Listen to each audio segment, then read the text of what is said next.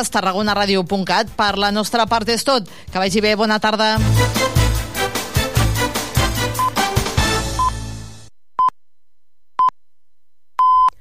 Bon dia, són les dues.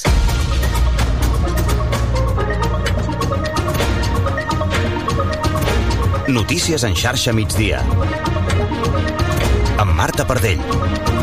Pere Aragonès aprofita la convocatòria d'eleccions generals per fer canvis més profuns en el govern. A la sortida anunciada de Teresa Jordà per anar de número 2 a les llistes d'Esquerra, el president ha sumat la de dos consellers més, el d'Educació Josep González Cambrai, molt qüestionat pels sindicats, i el de Territori Juli Fernández. El substituiran Anna Simó Educació, Esther Capella Territori i David Mascort a Acció Climàtica. Aragonès justifica els canvis atribuint-los a l'equador d'una legislatura que vol esgotar. Coincideix doncs, en el que és amb la convocatòria electoral del 23 de juliol i amb el fet doncs, de que eh, Teresa Jordà s'incorporarà com a tàndem de Gabriel Rufián a Madrid per part de la llista d'Esquerra Republicana. Però el motiu fonamental és que després de dos anys tenim l'oportunitat doncs, de posar-hi energies eh, renovades És dilluns 12 de juny de 2023 i tenim més titulars. Comença el primer torn de rec al canal d'Urgell per garantir la supervivència dels arbres fruiters. Montse Hidalgo. Un rec que s'allargarà 10 dies i que arriba després de dos mesos sense aigua. Alguns pagesos, però, haurien esperat una mica més perquè els últims dies ha plogut. Potser ens ha arribat al pitjor moment perquè ara últimament ha plogut, potser m'esperaria una setmana o dos a regar, però bueno, benvinguda és. I també el terra està sec i també està filtrant l'aigua. I el canal l'obren que l'obren, quan l'obren has de regar. Si no regues se te passa el turno. Es compliquen les negociacions a Ripoll per formar un govern alternatiu a l'ultradretana Aliança Catalana. Uns tuits de Laura Borràs en què es declara partidària de deixar governar la força més votada han enterbolit la situació. Des de l'executiva defensen el cordó sanitari a l'extrema dreta, però la cap de llista local és més partidària de deixar governar Aliança Catalana. Les pròximes hores ha de passar a disposició del jutge l'home acusat d'assassinar la seva parella a Cornellà de Llobregat. Aquest migdia s'han repetit arreu de Catalunya els minuts de silenci per condemnar l'assassinat comès al domicili familiar amb el fill de dos anys de la parella al davant. En cultura, sis equipaments culturals públics s'uneixen amb la Generalitat per crear la cultivadora. El projecte de l'Auditori, el TNC, el Palau de la Música, el Liceu, el Mercat de les Flors i el Teatre Lliure reuneix totes les seves iniciatives educatives en un web. Pel que fa als esports, Eduard Cabré, en bàsquet, el Joventut de Badalona juga avui i continua viu en la lluita pel títol de Lliga. La penya rep el Madrid buscant un triomf que forci el cinquè partit de la semifinal. En cas de derrota, els badalonins posaran punt final a la temporada. I fem també un cop d'ull al temps. Lluís Mi Pérez, bon dia. Bon dia. déu nhi com s'està enfilant la temperatura i a hores d'ara hi ha moltes poblacions que estan molt a prop dels 30 graus, cap a les comarques de Girona, les del prelitoral, també al Pla de Lleida anirà pujant aquesta temperatura, però compta perquè ja s'estan començant a formar les primeres nuvolades a hores d'ara amb els primers ruixats locals, bàsicament cap a l'Alt Pirineu, especialment al Gironí, i ja al llarg d'aquesta tarda seran moltes altres les comarques on acabaran espetegant ruixats i tamborinades. Les més fortes a les comarques gironines s'aniran desplaçant fins i tot cap a la costa, les més destacables entre la Cerdanya, el Ripollès i també la Garrotxa, així com al nord d'Osona. Ja entrada aquesta tarda també algunes tempestes a les Terres de l'Ebre i les comarques de Ponent. Atenció perquè vindran ruixats des de l'Aragó, que acabaran descarregant amb força. La temperatura és xafogosa. I no s'acaba aquí la situació de ruixats, perquè el dimarts en tindrem i fins i tot ja aquesta propera matinada i demà al matí. Ho anirem seguint a la xarxa. Gràcies, Lluís Mi Pérez. Al control de so tenim l'Ivan López, a la redacció la Montse Hidalgo i coordinant la Sònia Kerr, passant gairebé 4 minuts de les dues. Notícies en xarxa. Edició migdia.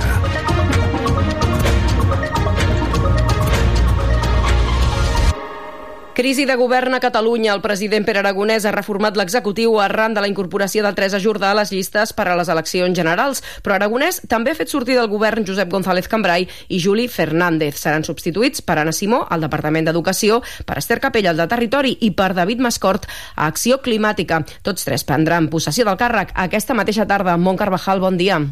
Bon dia, Marta. El president Pere Aragonès ha explicat que els canvis són per esgotar la legislatura amb més fortalesa i estabilitat. Aquests canvis estan formulats doncs, amb la planificació de que les eleccions al Parlament de Catalunya siguin al febrer del 2025 i que, per tant, es pugui completar una legislatura sencera.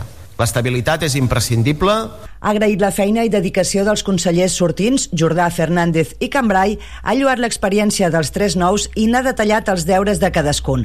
Anna Simó, Educació, que continuï amb la gratuïtat de 0 a 3 anys i el desplegament de més professionals. Uh, ara és el moment doncs, de que els canvis que s'han portat a terme es consolidin i estic convençut que l'Anna Simó, com a nova consellera d'Educació, doncs ens garanteix precisament eh, aquest treball compartit. L'objectiu d'Ester Capella al capdavant de territori seran sobretot en matèria d'habitatge i per al traspàs de rodalies. Doncs ara tocarà desenvolupar també la nova normativa estatal en matèria d'habitatge i aquest és un govern que compleix els seus compromisos i és també exigent perquè els altres governs els compleixin i David Mascort, Agricultura i Acció Climàtica, haurà d'incrementar les energies renovables.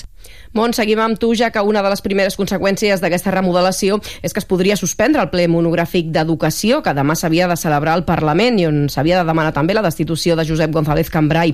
El govern ho ha demanat i demà la Junta de Portaveus de la cambra ho estudiarà. Des dels partits, els comuns veuen els canvis com una rectificació en diferit de les polítiques que no estan funcionant i el PSC els veu com un pedaç. Sí, és així. Fa, diguem que una estona abans de fer pública la remodelació del govern aragonès li ha comunicat el cap de l'oposició i del PSC, Salvador Illa. Els socialistes li agraeixen el gest, però consideren els canvis un pedaç que allarga l'agonia d'un govern en minoria inestable i en crisi permanent, han dit. La presidenta del grup parlamentari, Alicia Romero, ha dit que seran impecables amb els consellers nous que no esperin els nous consellers que els hi donem 100 dies perquè no tindran ni 100 segons. Aquest és un govern que porta dos anys treballant, que té molts temes pendents, moltes urgències i per tant nosaltres des del primer dia estarem exigint a aquest govern que governi. I per tant és el que eh, farem eh, des de ja. Per tant, un nou, una nova crisi de govern en un govern en minoria, amb un govern inestable que no està donant resposta a les necessitats ni a les urgències que té el nostre país. Per Catalunya en Comú Podem, els canvis són una rectificació en diferit de les polítiques d'un govern que ja no funciona. El portaveu dels comuns, Joan Mena, ha dit també que la remodelació és fruit dels mals resultats electorals d'Esquerra a les eleccions municipals i espera que es recondueixi la manera de fer. L'important no són els canvis de nom al front de les conselleries, sinó que és que siguin capaços de reconduir les polítiques, que tinguem unes polítiques educatives que escoltin a la comunitat educativa, que tinguem unes polítiques de territori que abandonin aquests macroprojectes fracassats d'Esquerra Republicana de Catalunya i que tinguem unes polítiques d'acció climàtica que siguin això, actives, no? que puguin doncs, dissenyar la Catalunya de transició ecològica que necessitem en el futur. I per la portaveu al Congrés de Diputats de Junts per Catalunya, Míriam Nogueres, ha dit que els canvis han quedat curts i s'han fet des del punt de vista de partit. Que el president Pere Aragonès, que Esquerra no hagi sapigut o volgut llegir el que està passant al nostre país des de fa molt temps, que no hagi sapigut llegir els resultats de les municipals, que no hagi sapigut llegir el resultat d'aquesta taula de diàleg que no ha donat cap fruit positiu el president Aragonès tenia l'oportunitat de fer un, un canvi profund, de fer un canvi real de guió però en comptes de fer un canvi en clau nacional, en clau de país, en clau Catalunya ha fet un canvi en clau de partit. I respecte al ple monogràfic de demà al Parlament sobre educació que deies que havia impulsat precisament Junts per Catalunya i en el que era previst demanar la destitució del conseller d'Ensenyament Cambrai, doncs ha dit Míriam Nogueres que efectivament l'ajornaran. Gràcies, Mont. I també tenim reaccions més enllà de l'àmbit polític. La portaveu del sindicat educatiu USTEC, Yolanda Segura, celebra la decisió d'Aragonès de prescindir del conseller d'Educació. Creu que ja fa temps que hauria hagut de prendre aquesta decisió. On va, Jasana Hernández? Cambrai alega un desgast emocional després de les intenses negociacions amb els sindicats d'educació als últims anys i les polèmiques en què s'ha vist involucrat. En aquest sentit, el sindicat de principal, USTEC, assegura que ha tardat massa. Massa que ha durat i tot, eh? perquè un conseller que de bon inici ja només començar la seva legislatura ja es posa tota la comunitat educativa en contra perquè doncs, adopta unes dinàmiques d'imposició i no diàleg, doncs evidentment va ser un mal començament i ha mantingut aquest conflicte durant tot el, el, el temps que ha estat conseller. Del relleu de Cambra i Anna Simó eh, asseguren espera un canvi real i que no aporti, diu, la mateixa negativa. De fet, el tema principal a tractar amb ella serà l'estabilització de les persones interines a les escoles. També el sindicat Professors de Secundàries felicita per la sortida de González Cambrai, a qui consideren un dels pitjors consellers d'Educació de la història recent. En un comunicat, el sindicat afirma que els preocupa que aquest relleu sigui només el d'una persona, en comptes d'un canvi de les polítiques educatives. I més enllà dels sortins, volem saber qui són els titulars de les tres conselleries que ara renoven. Ens ho explica en Jordi Casino. La nova titular d'Educació, Anna Simó, torna al govern 17 anys després de deixar la cartera de Benestar i Família, càrrec que va exercir durant el primer tripartit. Nascuda als Alamús, al Segrià, el 1968, és militant d'Esquerra des del 1990. Va ser vicepresidenta primera de la cambra entre el 2012 i el 2015 i secretària primera fins al 2017, motiu pel qual va ser jutjada i condemnada a quatre mesos d'inhabilitació per desobediència com a membre de la mesa de Carme Forcadell en un judici que va haver de ser repetit. L'últim càrrec institucional de Simó va ser justament el de presidenta del Consell Escolar de Catalunya Catalunya entre el 2018 i el 2021. La nova titular de Territori, Esther Capella, torna de Madrid amb el repte d'aconseguir el traspàs de rodalies i acords clau en infraestructures, com desencallar la B40 o l'ampliació de l'aeroport del Prat. L'exconsellera de Justícia era delegada de la capital espanyola i anava de número 3 a les llistes d'Ernest Maragall a les últimes eleccions municipals a la ciutat de Barcelona. Nascuda a la seu d'Urgell l'any 1963, Capella és llicenciada en dret i ha estat diputada d'Esquerra al Parlament i al Congrés. El nou titular d'Acció Climàtica, David Mascort, és l'actual president de la Federació Regional d'Esquerra Girona i va ser alcalde de Vilablareix, al Gironès, durant 11 anys. Nascut a Barcelona l'any 1969, Mascort ocupava fins ara la Secretaria General del mateix departament que ara encapçalarà, en un moment clau on haurà d'afrontar la gestió de la sequera. Llicenciat en Ciències Econòmiques i Empresarials, el nou conseller va ser també director dels serveis territorials de la Conselleria d'Universitats entre el 2007 i el 2013. Avui també hem sabut que fins fa un, només uns dies, diputat de Ciutadans al Parlament, Nacho Martín Blanco, serà el cap de llista del Partit Popular a Barcelona. Martín Blanco va abandonar Ciutadans dijous passat, assegurant que havia perdut l'esperança en la capacitat i viabilitat de la formació liberal i l'endemà es va fer públic el seu fitxatge pel PP. Substitueix com a cap de cartell Cayetana Álvarez de Toledo. I encara un apunt més en clau política, en aquest cas internacional, i és que mor l'exprimer ministre d'Itàlia, Silvio Berlusconi, ha estat als 86 26 anys a causa d'una leucèmia. El polític i empresari estava hospitalitzat des de divendres a Milà. Com a polític serà recordat per haver estat tres vegades primer ministre d'Itàlia. Actualment era president del Partit Conservador Força Itàlia i des de l'octubre del 2022 senador. Abans va ser eurodiputat tres anys, però va deixar l'escó per ser senador a Itàlia. En l'àmbit empresarial, Berlusconi era propietari i president de la Corporació de Telecomunicacions Mediaset. Notícies en xarxa. Us ho destacàvem en titulars. Aquest matí ha començat el primer torn de rec al canal d'Urgell per garantir la supervivència dels arbres fruiters. Un rec que s'allargarà 10 dies, durant els quals el canal principal subministrarà aigua als pagesos perquè puguin regar finques i omplir basses. Alguns, però, haurien esperat una mica més encara, perquè els últims dies ha plogut. Ràdio Ponent Mollerussa, Julen Andrés. Després de dos mesos torna l'aigua als arbres fruiters que reguen del canal principal del canal d'Urgell. L'aigua s'ha repartit de manera proporcional segons els arbres i es prioritza el rec a manta. De fet, els arbres més joves són els que més s'ofreixen i són els primers a caure. Els pagesos celebren l'arribada de l'aigua, però és cert que potser haurien esperat un parell de setmanes més per les precipitacions d'aquests dies. En parla Francesc Berenguer, pagès de Miralcamp. Després de quasi dos mesos sense regar, eh, ens ha arribat l'aigua, però potser ens ha arribat al pitjor moment perquè ara últimament ha plogut, potser m'esperaria una setmana o dos a regar, però bueno, benvinguda és. I també el terra està sec i també està filtrant l'aigua. I el canal l'obren que l'obren, quan l'obren has de regar si no regues se te passa el turno i estarem un mes més sense regar. A més, les finques amb bona capacitat d'absorció d'aigua gràcies a la pluja i que encara no s'han vist altes temperatures han pogut salvar la collita, però la resta no. És per això que pel segon torn, que es faria en un mes, si es viuen temperatures superiors als 40 graus, demanen avançar-lo dues setmanes. A Lleida avui s'ha obert el dispositiu d'atenció als temporers amb la previsió d'atendre una cinquantena de persones en aquest primer dia. El, aquest pavelló s'ha habilitat a la Fira de Lleida i oferirà un total de 122 places. UAU Lleida Ràdio. Jordi Claret, bon dia. Hola, bon dia. Doncs eh, sí, des d'aquí al pavelló de Fira de Lleida serà aquesta tarda a partir de les 6 quan comencin a arribar els primers temporers en cerca de feina i que necessitaran allotjar-se en aquest dispositiu habilitat per l'Ajuntament de Lleida. Per poder accedir-hi, tothom haurà de passar per una entrevista que permetrà als serveis socials de la Pèria, establerts justament davant del mateix pavelló, aquí mateix, conèixer les necessitats de cadascú. En aquest espai s'hi oferiran els serveis de dutxa, autobugaderia, esmorzar i sopar, a més de les mateixes pernotacions. Les 122 places del pavelló complementen les 99 que s'ofereixen en pisos de l'EMAU per a aquells qui disposin de contracte laboral en vigor. Es compliquen les negociacions a Ripoll per formar un govern alternatiu a Aliança Catalana. Uns tuits de Laura Borràs, en què es declara partidària de deixar governar la força més votada, han enterbolit la situació. Des de l'executiva han defensat aquest matí el cordó sanitari a l'extrema dreta, però des de l'executiva local neguen que hi hagi cap acord amb les altres tres formacions. Ràdio Ripoll, Jordi Altesa, bon dia. Hola, bon dia. Sí, l'executiva local de Junts a Ripoll nega que a hores d'ara, la quart de tres, hi hagi cap mena d'acord per tal de fer un pacte amb Esquerra, PSC i Alternativa, la marca de la CUP a Ripoll, per evitar un govern d'Aliança Catalana a la capital ripollesa. Tot i això, arriba després que aquest migdia la portaveu de Junts, Maria Nogueres, hagi anunciat que sí, que hi havia un acord per evitar-ho.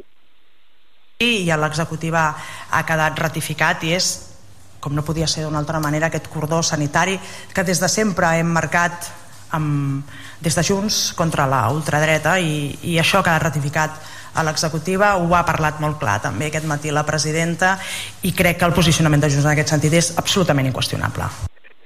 La intenció dels representants locals és seguir els tempos que s'havien marcat internament, és a dir, primer escoltar quin acord de govern tenien les diferents formacions d'esquerres i a partir d'aquí decidir si es donava suport a la investidura parlant estrictament de Ripoll.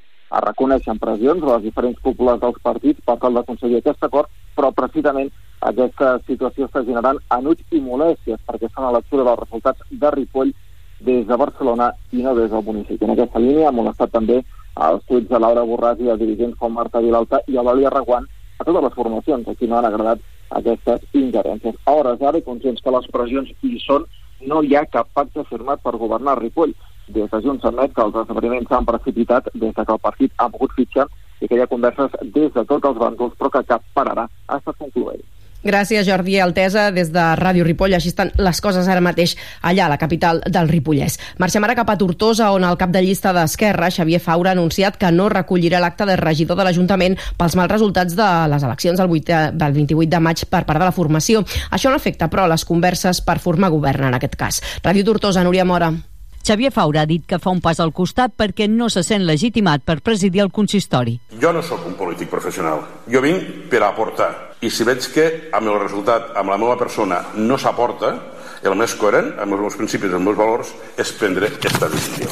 Jo personalment, tot i que damunt de la taula, en les diferents hipòtesis, hi ha la possibilitat de que pugui presidir temporalment l'Ajuntament de Tortosa, jo personalment no em sento còmode formant part de, o tenint assolint aquesta presidència amb el resultat que ha obtingut. I, per tant, en aquesta línia no vull treballar-hi. Amb la renúncia de Faura, el grup municipal d'Esquerra Tortosa liderarà la número 2, Mar Lleixà, exdirectora de Salut a les Terres de l'Ebre, i entrarà Maria Jesús Vinya, actualment regidora i diputada al Parlament. Xavier Faura, que també és president del Consell Comarcal del Baix Ebre i del Copate, abandonarà la política activa. Notícies en xarxa. Edició migdia. Les pròximes hores ha de passar a disposició del jutge l'home acusat d'assassinar la seva parella a Cornellà de Llobregat. La ciutat continua consternada pel crim que es va cometre al domicili familiar amb el fill de dos anys de la parella al davant. S'han decretat tres dies de dol pel feminicidi. Esplugues Televisió, Josep Cullell.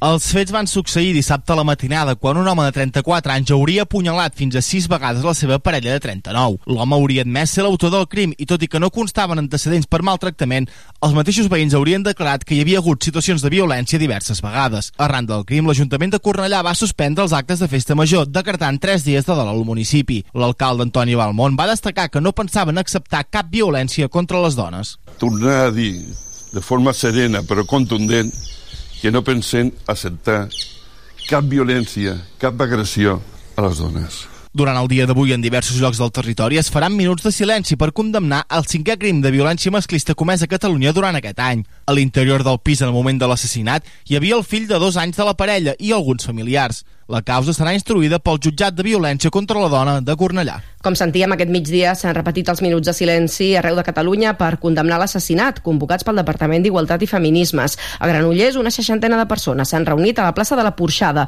per donar suport a la família i amics de la víctima. Ràdio Granollers, Fàtima Ortí. Amb aquests aplaudiments s'ha posat punt final al minut de silenci que aquest migdia ha convocat l'Ajuntament de Granollers per lluitar contra la violència masclista. Així ho defensa la regidora en funcions d'Igualtat, Maria del Mar Sánchez ens refermem davant de tots els fets del masclisme, tot i que des dels ajuntaments s'està treballant molt. És un moment en el que ens trobem indefensos davant d'aquest atac que els homes fan contra les dones. Al minut de silenci es commemora pel crim que es va produir la matinada de diumenge en un domicili del carrer Cornellà Modern, al barri de la Gavarra. En aquest cas, els Mossos d'Esquadra ja han detingut el presumpte assassí, un home de 34 anys i parella de la víctima que es trobava al mateix habitatge. La xarxa de comunicació local.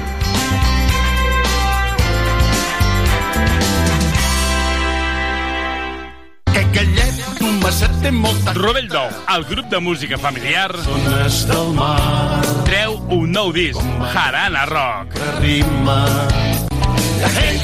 Són noves cançons i cançons tradicionals al més pur estil roquer. Això és Jarana Rock, de Rovell d'Ou. Tornen els festivals de senderisme dels Pirineus. Rutes a peu amb guies locals, activitats a la natura, tasters de productes quilòmetre zero i molt més. Descobreix la muntanya a un altre ritme.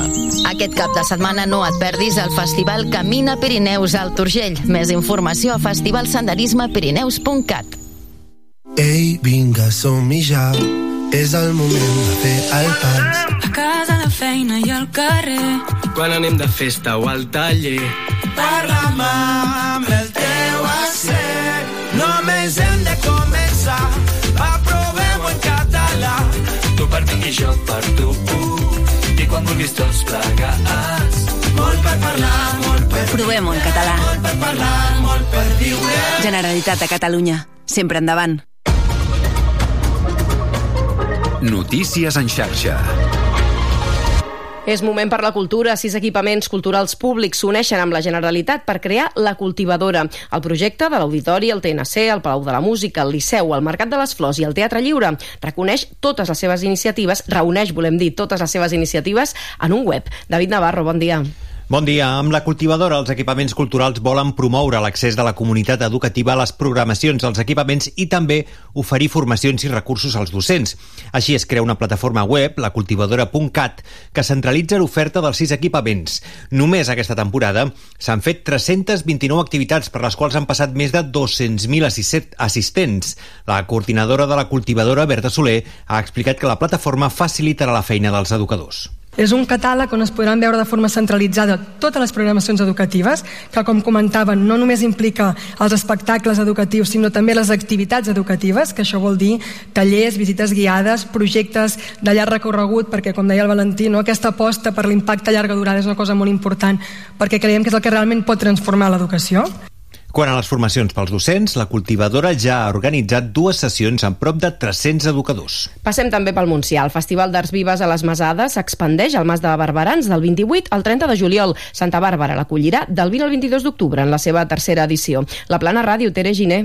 El Festival Rigihiu reflexiona sobre el patrimoni local i paisatgístic des d'una perspectiva de gènere. Va iniciar-se a Santa Bàrbara i aquest any arriba al poble veí del Mas de Barberans. Anna Zaera és la codirectora d'aquest festival. I tornar a situar este crit del Rigihiu, que era un crit que es feia per a comunicar-se entre un tros i un altre a l'època de la collita i la nostra intenció era posar en valor estos espais paisatgístics que queden entre els dos pobles i que moltes vegades, precisament perquè estan entre dos municipis, no se'ls ha vist prou. No? Tot i que el cartell encara no està tancat, hi ha noms que ja s'han presentat, com el de Joana Gomila i Laia Vallès en una proposta de folk experimental al Mas de Barberans o Marina Herlock al mes d'octubre, cap de cartell a Santa Bàrbara. I arriben els esports.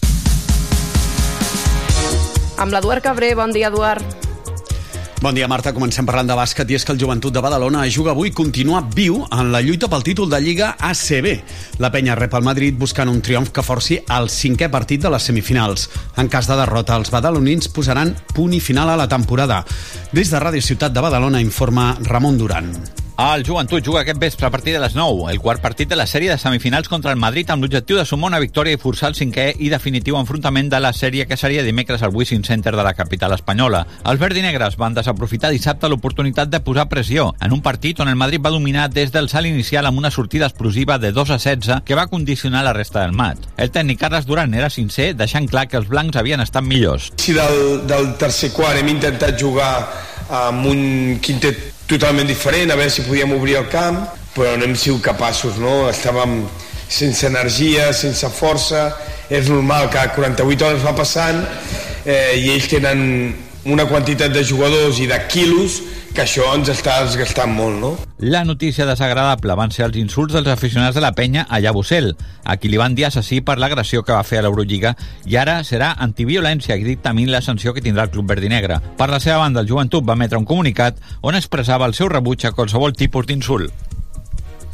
També en bàsquet, el Cadí la Seu ha anunciat el fitxatge de la jugadora nord-americana Cameron Schwartz per aquesta pròxima temporada. Arriba de la Lliga Universitària dels Estats Units, en concret de l'equip de Georgia. I en futbol, el president i propietari de l'Espanyol, Chen Yangsen, ha comunicat a Domingo Catoira que deixa de ser el director esportiu de l'entitat. Aquest cessament es farà oficial a mitjans de setmana perquè avui el que s'ha fet és la presentació del nou nom de l'estadi, que serà Stage From Stadium, una marca nord-americana de ticketing que pagarà una quantitat propera al milió d'euros. I també en futbol, el Barça Atlètic ha quedat eliminat del playoff d'ascens a segona divisió després de perdre per 3 gols a 0 al camp del Real Madrid-Castilla en la tornada. Rafa Márquez és l'entrenador del filial blaugrana. Se han sacrificado, han competido en una, una categoría muy difícil y bueno, para, para la edad que tiene el grupo también no era, no era nada fácil. Así que bueno, hay que levantar cabeza, hay que aprender de esto y bueno, ahora coger eh, eh, energías para intentar volver más fuerte. I Pau Morilla Ginés, des d'avui dilluns, el nou president del Centre d'Esports Sabadell en substitució d'Esteve Calçada. També en futbol, Axel Bizuete serà entrenador de la penya deportiva d'Eivissa la temporada vinent. L'ex del Girona B fa el salt d'aquesta manera a la segona federació. I un darrer apunt també en futbol, Uri Ayala renova el seu contracte amb la Unió Esportiva Olot. El central gironí es compromet per un any més amb l'equip garrotxí. I això és tot pel moment. Gràcies, Eduard Cabré, per l'última hora dels esports. Una mica més de 3 minuts i arribem a dos quarts de 3. Nosaltres hem de fer una petita pausa, però tornem de seguida i amb més actualitat. Fins ara.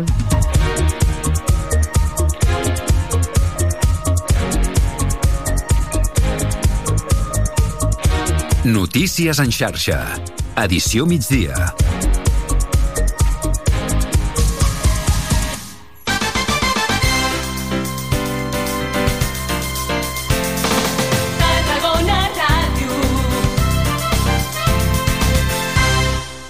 Moll de Costa, la Rambla de la Cultura a la vora del mar. Vine i passeja per l'eix de la cultura, del lleure i de l'esport al Port de Tarragona. Hi trobaràs museus, exposicions, teatre, activitats, espais per passejar i fer esport. Completa la teva visita amb un tas de la gastronomia marinera del Serrallo. Més informació a porttarragona.cat.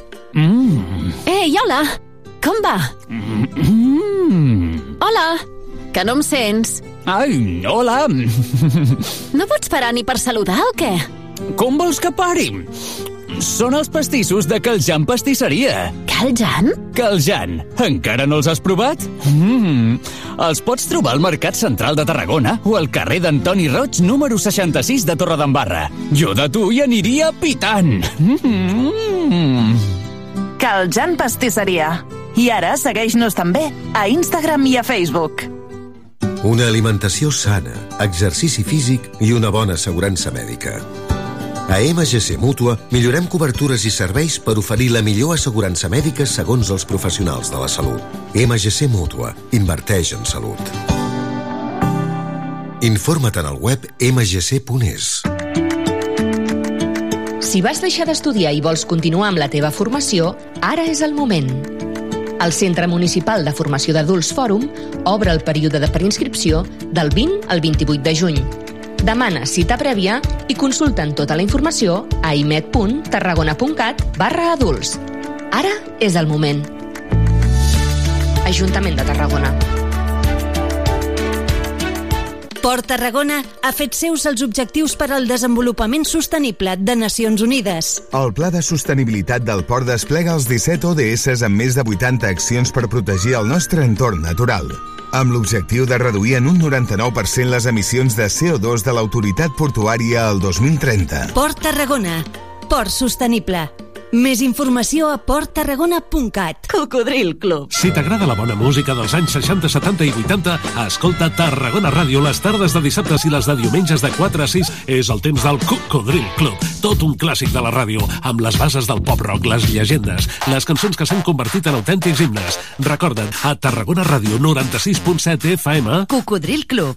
El programa revival de l'Albert Malla. Hasta luego, cocodrilo. Pasaste de caimán. Hasta luego, cocodrilo.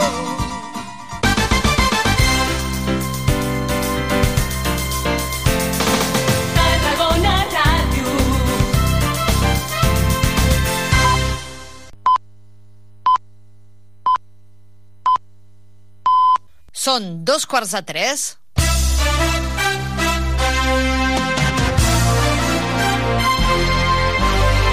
Tarragona Actualitat. L'informatiu del migdia a Tarragona Ràdio. Bona tarda. Remodelació del govern català que, segons el president Pere Aragonès, permetrà aguantar fins a final de legislatura el 2025. Marxa Teresa Jordà i la relleva Agricultura David Mascort. Esther Capella substitueix Juli Fernández a Territori i Josep González Cambrai diu adeu a Educació per situar Anna Simó al capdavant de la conselleria més polèmica dels darrers anys. Els sindicats del món educatiu celebren el recanvi. La portaveu de l'Austec a Tarragona, Laura Ferrer, fa responsable Cambrai del descontentament al sector amb totes les vagues i protestes del darrer any i celebrem no, que, que al final l'hagin cessat, és el que també demanàvem nosaltres com a, com a sindicat, perquè, perquè bé, amb aquestes polítiques d'imposicions realment no podem, no podem arribar enlloc. Tarragona és una de les ciutats que més gasta en aigua embotellada. L'empresa municipal mixta d'aigües, EMATS, assumeix el repte de canviar la tendència i aconseguir que es consumeixi més aigua de l'aixeta. Els habitants de Tarragona tenen el record de fa 30 anys quan l'aigua corrent que arribava als habitatges provenia d'aquífers i era salada. El president d'EMATS, Jordi Fortuny, diu que el gust ha millorat. Tenim un record, un mal record, de, de l'aigua de l'aixeta que hem de revertir hem de revertir perquè ja no té sentit ja no té sentit que en aquests moments eh, encara estem consumint eh, aigua, eh, aigua embotellada o aigua o garrafes d'aigua no? I en esports, el Nàstic arrenca el projecte 23-24. Un cop renovat, Dani Vidal es començarà a treballar en configurar la plantilla. L'entrenador, en declaracions als mitjans del club, diu que aquest projecte ha de girar al voltant de jugadors formats al planter grana. Ara tinc la sort de poder començar un projecte amb gent de la casa, amb jugadors de la casa, on tots ens sentirem identificats. La veritat que tinc moltes ganes de tornar a veure's aquí al nou estadi. Veureu un equip competitiu, un equip que us deixarà tot. El Nàstic Genuine aconsegueix el seu primer títol. Han aixecat el títol amb, eh, com a millor equip de fair play del grup Companyerismo i també del global dels 44 clubs de la Lliga Genuine. Avui és 12 de juny, dilluns. Lluís Comas està als controls tècnics. En nom dels serveis informatius us parla Teresa Ortega. Remodelació del govern català. El president de la Generalitat, Pere Aragonès, ha remodelat el govern aprofitant que fins ara el, aprofitant que la fins ara consellera d'Acció Climàtica, Teresa Jordà, havia de deixar l'executiu per ser la número 2 de la llista d'Esquerra Republicana al Congrés per al 23 de juliol per les eleccions generals, Aragonès ha volgut anar més enllà i relleva els titulars d'Educació Josep González Cambrai i de Territori Juli Fernández. Cristina Artacho. Para substituir Jordà, el president opta per posar David Mascort, fins ara secretari d'Agricultura i membre de l'equip del departament. Però per les altres dues carteres, Aragonès recupera antics noms del govern, ubicant Anna Simó a Educació i Esther Capella a Territori. El president de la Generalitat, Pere Aragonès, confia que la nova remodelació del seu executiu el permeti esgotar la legislatura. Aquests canvis estan formulats doncs, amb la planificació de que les eleccions al Parlament de Catalunya siguin al febrer del 2025 i que, per tant, es pugui completar una legislatura sencera. L'estabilitat és imprescindible per poder donar resposta als reptes que té la nostra societat. Anna Simó torna al govern després de 18 anys, agafant la cartera d'Educació. Simó va ser consellera de Benestar i Família entre el 2003 i el 2006.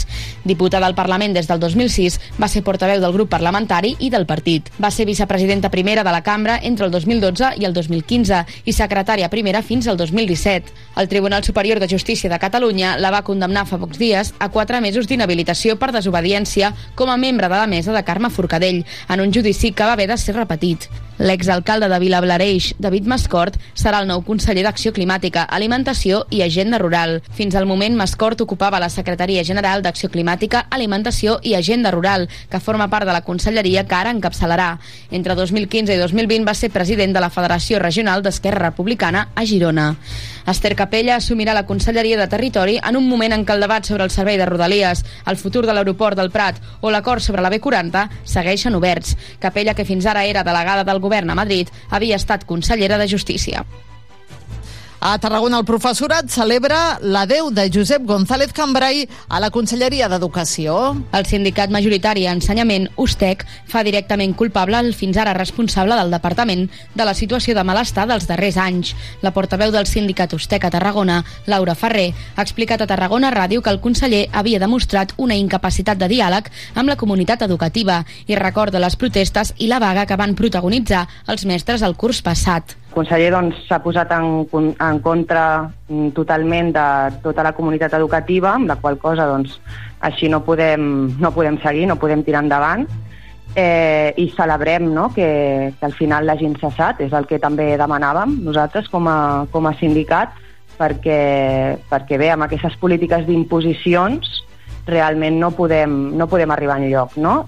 Laura Ferrer demana la que serà la nova consellera d'Educació, Anna Simó, que s'avingui a escoltar i dialogar amb el sector. Esperem que aquesta nova consellera canvi aquestes polítiques i di pugui dialogar més amb, amb tota la comunitat educativa i amb la part social per poder desencallar aquest conflicte i, i poder millorar la qualitat educativa, que és el cap i a la fi el que, el que nosaltres estem demanant. A principis de 2022, els mestres van sortir al carrer i van fer vaga durant cinc dies en contra les polítiques de González Cambrai. El passat mes de maig es van manifestar per rebutjar l'última proposta del Departament d'Educació, feta en la darrera taula de negociació. Els sindicats la consideraven insuficient i asseguraven que suposa un retrocés respecte a propostes anteriors. I avui també us expliquem que Tarragona és una de les ciutats que més gasta en aigua embotellada. Ho recull l'empresa municipal mixta d'aigües de Tarragona i Matza, que assumeix el repte de canviar la tendència. L'empresa treballa en accions i el control dels components de l'aigua per millorar la qualitat de la mateixa. Els habitants de Tarragona tenen el record de fa 30 anys quan l'aigua corrent que arribava als habitatges provenia d'aquífers i era salada. Després de les accions d'incorporació al Consorci d'Aigües i de la potabilització dels anys 90, el president de Matsa, Jordi Fortuny, diu que el gust de l'aigua ha millorat molt i que no es veu de l'aixeta pel gust que té. Amb tot, Fortuny ha expressat que controlen tots els valors de l'aigua i que s'hauria de revertir aquesta situació. Les accions que, que, que, es, que es treballen sobre l'aigua per donar un, un millor servei servei de qualitat, eh, encara entenc que tenim un record, un mal record de, de l'aigua de l'aixeta que hem de revertir hem de revertir perquè ja no té sentit ja no té sentit que en aquests moments eh, encara estem consumint eh, aigua, aigua embotellada o aigua o garrafes d'aigua no? Fortuny ha recordat que el mini transvasament de l'Ebre fa que arribin 4 metres cúbics per segon i ha destacat la petjada ecològica que implica produir i consumir aigua embotellada Fem una pausa per la publicitat. Ara mateix tornem. Les notícies a Tarragona Ràdio. A Tarragona Ràdio som la Tere, el Jordi, la Laura, el Miquel... Bé, ja ho saps, ja ens coneixes. Però ara hem descobert que a Tarragona Ràdio també hi ha el Pau, la Dora, la Laia, l'Aleix, l'Andreu, la Pili, l'Ester, l'Emma, el Dan... 40.000 oients ens escolten cada mes. 31.000 descàrregues de podcast. 7.700 oients cada dia. 11% de share a la ciutat. 29.000 seguidors a les xarxes. 97.000 hores d'escolta en streaming. 6 de cada 10 tarragonins us informeu amb nosaltres. La Maria Dolors, la Montse... Buah, quanta gent! A Tarragona Ràdio som 40.000. Gràcies per ser-hi.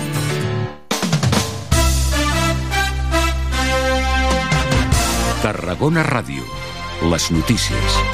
Projecte Home atén cada cop més dones amb addiccions a Tarragona i a les Terres de l'Ebre. En total, l'ONG té 178 persones amb addiccions a la demarcació durant el 2022 i el 24% de persones usuàries han estat dones. Miguel González.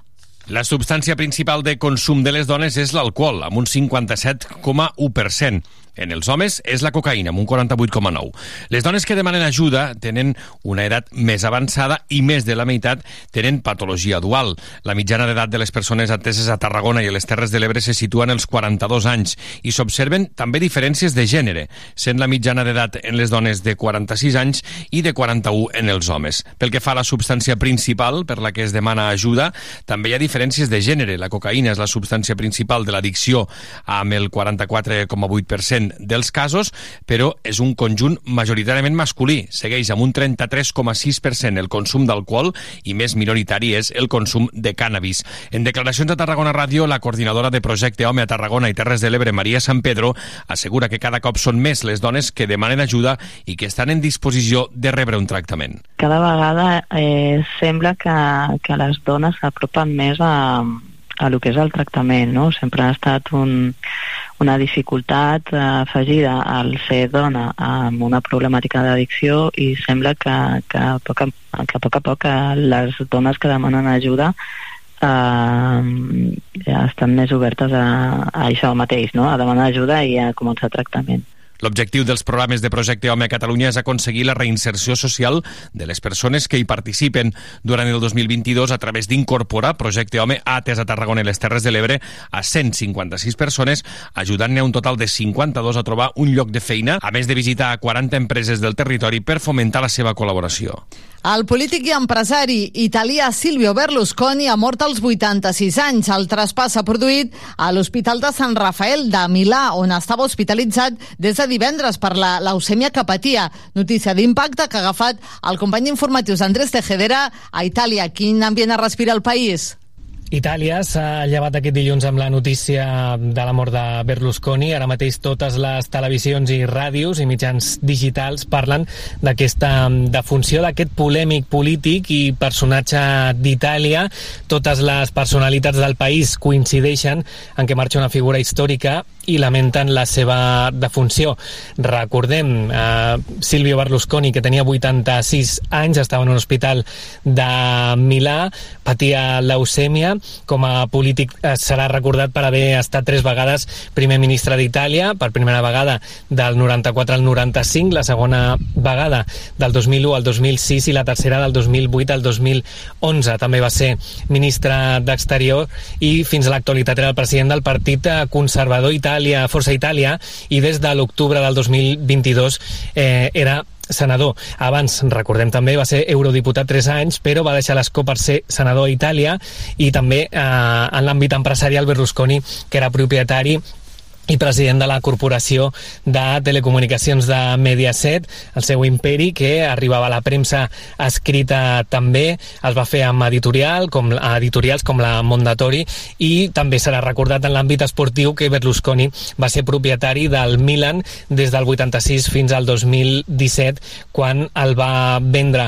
Personatge polèmic també, conegut com el cas Rubi, va ser condemnat el 2013 a 7 anys de presó i inhabilitació perpètua per exercir exercir càrrecs públics per incitació a la prostitució de menors i abús de poder i poc després també va ser condemnat a 4 anys de presó per frau fiscal pel cas Mediaset relacionat amb un augment artificial de drets de, de pel·lícules, entre d'altres. Una notícia, com dèiem, que ha agafat per sorpresa els italians.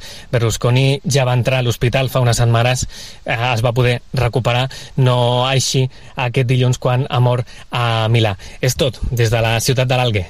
Doncs la crònica des d'Itàlia del company d'informatius Andrés eh, Tejedera, que de manera circumstancial es trobava al país que va veure néixer i morir aquesta matinada a Silvio Berlusconi. Hem de repassar altres notícies d'actualitat. Hem de parlar ara de la plataforma en defensa de l'Ebre que reunia ahir un, un centenar de piragüistes per exigir la reversió del mini transbassament al Camp de Tarragona de forma progressiva, a més de la paralització del projecte del Hard Rock està dissenyada per ser activada en cas d'una emergència de certa entitat, com l'accident d'Icoxe de fa 3 anys. De fet, el greu accident al polígon sud els va fer replantejar-se la capacitat de gestió a la informació ordinària, que van veure que tenia marge de millora.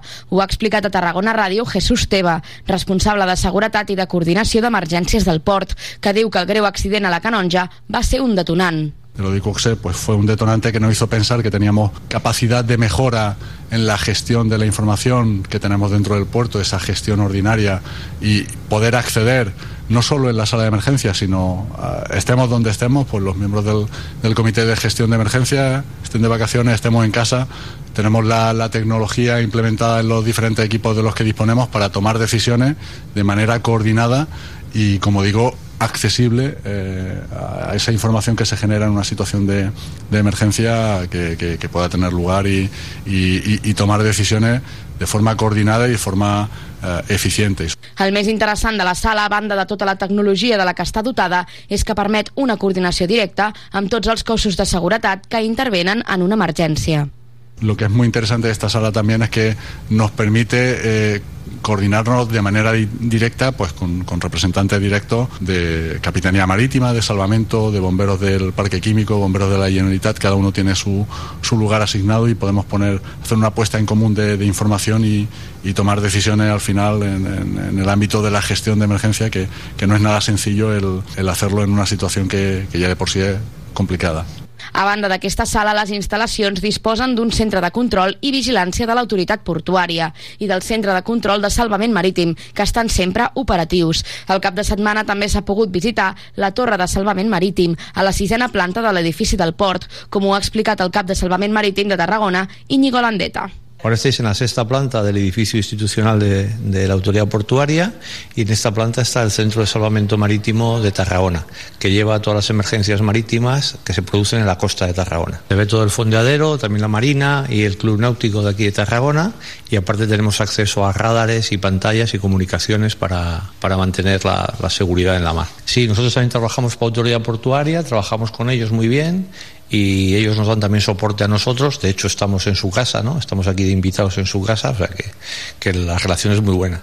Al maig i al juny es van provar la sala de gestió d'emergències en els respectius simulacres vinculats al Pla d'Autoprotecció i al Pla Interior Marítim del Port. El Port de Tarragona, per tant, preparat per respondre a una eventual emergència i ara sí parlem de la plataforma en defensa de l'Ebre que ha reunit aquest diumenge un centenar de piragüistes per exigir la reversió del mini transvasament al Camp de Tarragona de forma progressiva més a la paralització del projecte de Hard Rock. En l'escenari actual de sequera, la PDE ha insistit en la necessitat d'apostar en mesures de protecció al riu, un cop es recuperin els embassaments. Tot i no tenir constància que s'abastaria de la concessió del Consorci d'Aigües de Tarragona, l'entitat desconfia d'on provindrien els recursos hídrics pel complex. Segons el portaveu de la PDE, Joan Antoni Panisello, la proposta representa una amenaça directa pel riu. Els activistes han sumat el suport de la plataforma Aturem Hard Rock, que s'ha unit a l'acció reivindicativa que ha acabat a Tortosa, on s'ha desplegat una pancarta per demanar més cabal hidrològic i mesures de protecció per al delta. Ara estem veient amb preocupació el projecte Hard Rock, que possiblement s'aprovarà en els propers dies, i creiem que això és una amenaça directa per al riu, perquè es vol fer un projecte quan no tenen recursos. I el Camp de Tarragona ja està prou deficitari en qüestions d'aigua, que està depenent del Consorci del Tarragona, està depenent del mini transversament, com per a, fa, eh, per a fer aquests macos projectes que representarà una, un moviment molt gran de gent i un, una despesa molt gran d'aigua. Possiblement, si demanen energia elèctrica la tindran, si demanen dotació de gas la tindran, però d'aigua no en tenen. Per tant, això veiem en preocupació. L'organització ha avançat una setmana l'acció reivindicativa amb la voluntat de no contraprogramar la manifestació convocada per la plataforma Aturem Hard Rock diumenge vinent a Tarragona. La mobilització es farà pocs dies abans de la pròxima comissió d'urbanisme del Camp de Tarragona, prevista pel 21 de juny, on s'hauria d'aprovar el pla director urbanístic. Aquest diumenge una representació de l'entitat s'ha sumat a la Piraguada. Sentim el portaveu de la plataforma, Eloi Redon últimes setmanes hem vist com sortien informacions eh, que rebíem per part del govern en què el Hard Rock ha de consumir eh, un milió de metres cúbics a l'any, no? que representa un consum d'aigua molt elevat per un territori, al Camp de Tarragona, que no tenim aquests recursos hídrics perquè tot el consum d'aigua ve pràcticament del mini transbassament de l'Ebre, tot i que de mini eh, no en té gaire. Eh, per tant, nosaltres eh, des de Hard Rock sempre hem buscat aquesta confluència entre totes les lluites de diferents parts del territori perquè creiem que no és només un problema concret de Vilaseca i Salou, sinó que és un problema de país i un problema de quin és el model que estem incentivant. En el marc de la 22a edició de la Piraguada Popular, una cinquantena d'embarcacions han recorregut el riu Ebre fins a Tortosa. En arribar a la capital del Baix Ebre s'ha desplegat una pancarta de grans dimensions on s'hi podia llegir Salvem lo riu, salvem lo delta. Repassem ara l'informatiu altres notícies. Avui l'Ajuntament de Tarragona ha convocat un minut de silenci a les 12 davant del Palau Municipal a la plaça de la Font per condemnar la mort violenta d'una dona a Cornellà, presumptament a mans de la seva parella. L'Ajuntament expressa així el seu condol a la família i les amistats de la víctima i fa una crida a la ciutadania a rebutjar de manera contundent qualsevol forma de violència contra les dones.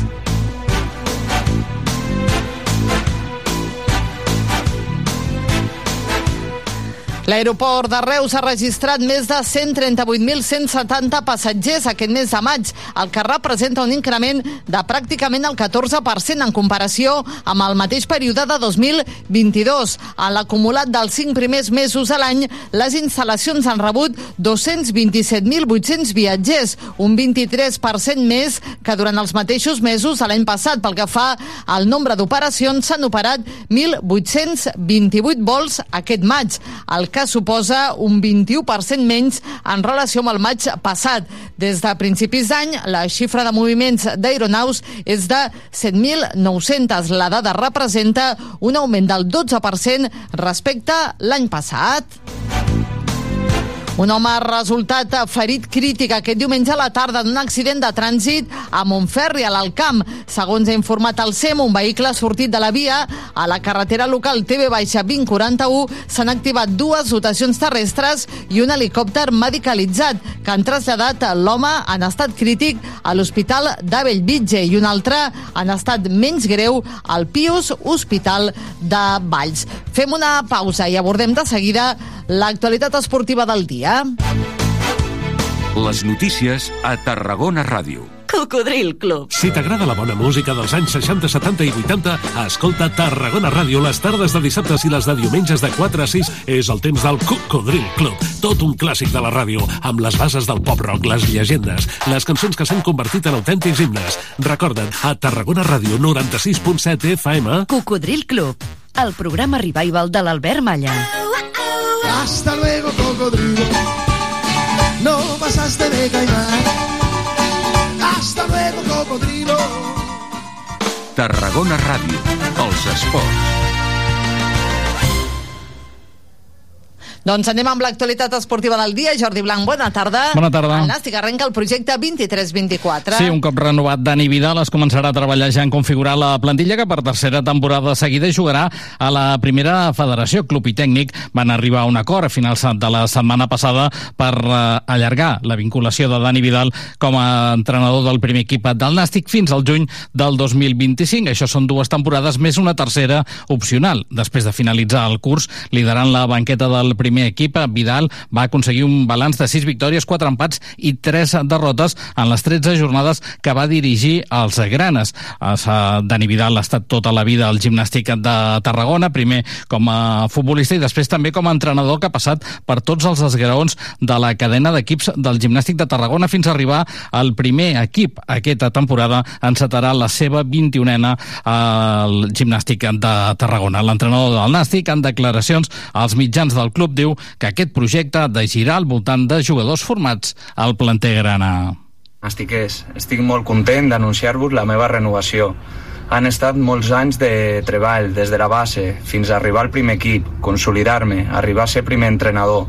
Ara tinc la sort de poder començar un projecte, amb gent de la casa, amb jugadors de la casa, on tots ens sentirem identificats. La veritat que tinc moltes ganes de tornar a veure's aquí al nou estadi. Veureu un equip competitiu, un equip que us deixarà tot. Doncs un equip format de jugadors de la casa i també, lògicament, de jugadors de fora. Alguns podrien renovar, ja que tenen la intenció de continuar. Ara caldrà veure si accepten la rebaixa salarial que el Nàstic proposarà a totes les possibles renovacions. Un dels que vol continuar, i així ho manifestava fa un temps el sempre Nàstic de Tarragona Ràdio, és el defensa Marc Trillers. Jo ja, ja ho he dit, no? que jo aquí en Tarragona estic molt a, molt a gust, eh, és una cosa que no depèn, no depèn eh, sols de mi, i bueno, ja veurem eh, al final el que passa, però ja ho he dit moltes vegades que a mi m'agradaria estar aquí i bueno, ja veurem el futur el eh, que ens depare. Són dies claus per anar configurant una plantilla que en menys d'un mes tornarà als entrenaments. El darrer en sonar per incorporar-se al Nàstic, segons el periodista Ángel García, seria el defensa d'Ossassuna Promeses Unai Dufour, de 23 anys, i que podria reforçar la zona defensiva de l'equip. I el Nàstic Genuïn aconsegueix el seu primer títol, ho ha fet aquesta temporada 2022-2023 en aquest eh, passat cap de setmana que es tancava el campionat d'aquesta temporada a la ciutat esportiva José Manuel Llaneza de Vilareal. Els granes van aixecar el títol com a millor equip de fair play del grup Companyerismo i també del global dels 44 clubs que formen part de la Lliga Genuïn, un títol important per l'equip que dirigeix Rafa Magrinyà, qui destacava la gran feina de tot l'equip de les quatre fases, les tres últimes amb, amb ple el 100% de, de punts al fair play. Hem aconseguit eh, ser campions de, del fair play del, del nostre grup i també aconseguir la puntuació més gran de fair play dels tres grups que formen part la competició. La veritat és que estem molt orgullosos, molt feliços, molt contents després de tres anys seguits sent subcampions del fair play. Eh, aquest cop guanyar el nostre grup, que és el primer any que hi ha tres trofeus de fair play en lloc d'un de sol i a més a més aconseguir en aquest cas superar en puntuació l'Atlètic de Bilbao que, que havia fet triplet els tres primers anys doncs la veritat és que és un orgull estem tots molt contents doncs en aquesta darrera jornada d'aquesta temporada, que es disputava aquest passat cap de setmana a Villarreal, el Nàstic va jugar davant del Cartagena, el Real Madrid i el Betis. I una temporada que també tanca l'equip cadeta del Nàstic amb la Copa Catalunya. Va guanyar la final davant l'Espanyol. Va superar l'equip blanc i blau a la tanda de penals per 5 gols a 4. El Nàstic arribava a la final després de desfer-se del Sant Cugat i del Girona. El partit davant l'Espanyol es va posar de cara amb el gol de Joel Balcells al minut 38, però en el tram final del partit els blanc i blaus van empatar empatar per arribar al resultat de 1 a 1 a la tanda de penals. A partir d'aquí, el porter del Nàstic Adri va aturar el primer penal i els seus companys no van errar en cap llançament i van marcar els 5 penals. L'entrenador del cadeta del Nàstic, Jordi Rojas, en declaracions a Tarragona Ràdio, destacava la gran feina de l'equip per sumar aquest títol. Nosaltres anàvem de, de, de víctimes, érem els nouvinguts a, a, a aquestes finals i, i resulta doncs, que el, el més petit que érem nosaltres cada vegada es feia més gran i, i durant el partit vam tindre poques ocasions però vam saber defensar molt bé. I les poques ocasions que vam tindre doncs la vam atravisar vam fer un equip de treball i com diuen les finals no es juguen sinó les finals se guanyen. Doncs això va ser. Vam, vam agafar vam estar guanyant tot el partit per davant del marcador i els últims 5 minuts ens van, ens van marcar vam arribar als penaltis i Adrià Ruiz va estar espectacular i tots els llançadors el van fer. Rojas analitza què significa aquest títol pel futbol base del Nàstic. Diu que és una demostració més que el planter es treballa bé. Jo crec que és el resultat de tota una trajectòria de treball al futbol base. Ara últimament doncs, s'està veient els resultats de jugadors que surten de, de la base i estan arribant al primer equip i estan, i estan jugant i encaixant, encaixant dintre de la primera rep. I això doncs, és, és molt important per tots, per tots nosaltres. I aquesta Copa Catalunya és el, la guinda que necessitava aquest futbol base. No, això no és, un, no és una copa del cadetà no és una copa d'aquest equip no és una copa d'aquest cos tècnic. Això és una copa de tota la directiva definitiva és una copa de tota la coordinació de molts anys. No és el resultat d'un equip, és el resultat d'un treball fet al llarg de molts anys.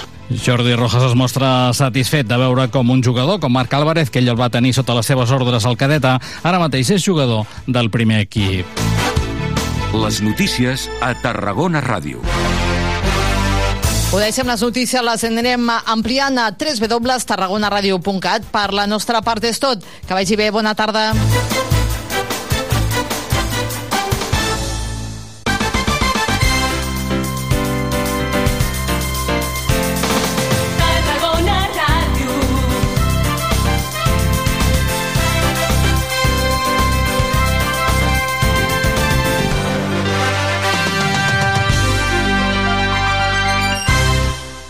Port Tarragona, motor econòmic de Catalunya. Node logístic estratègic de la Mediterrània. Porta oberta per ferrocarril a Europa i a la península Ibèrica. I espai d'oportunitats industrials i logístiques. Més informació a porttarragona.cat. Subscriu-te al butlletí informatiu de Tarragona Ràdio.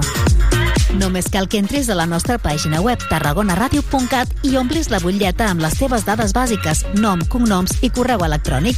Cada setmana t'enviarem un mail amb les notícies i activitats més destacades de Tarragona. Subscriu-te al butlletí informatiu de Tarragona Ràdio. Et volem a la nostra xarxa. Si vas deixar d'estudiar i vols continuar amb la teva formació, ara és el moment. El Centre Municipal de Formació d'Adults Fòrum obre el període de preinscripció del 20 al 28 de juny. Demana cita prèvia i consulten tota la informació a imet.tarragona.cat barra adults. Ara és el moment. Ajuntament de Tarragona. Una alimentació sana, exercici físic i una bona assegurança mèdica. A MGC Mútua millorem cobertures i serveis per oferir la millor assegurança mèdica segons els professionals de la salut. MGC Mútua. Inverteix en salut. Informa't en el web mgc.es.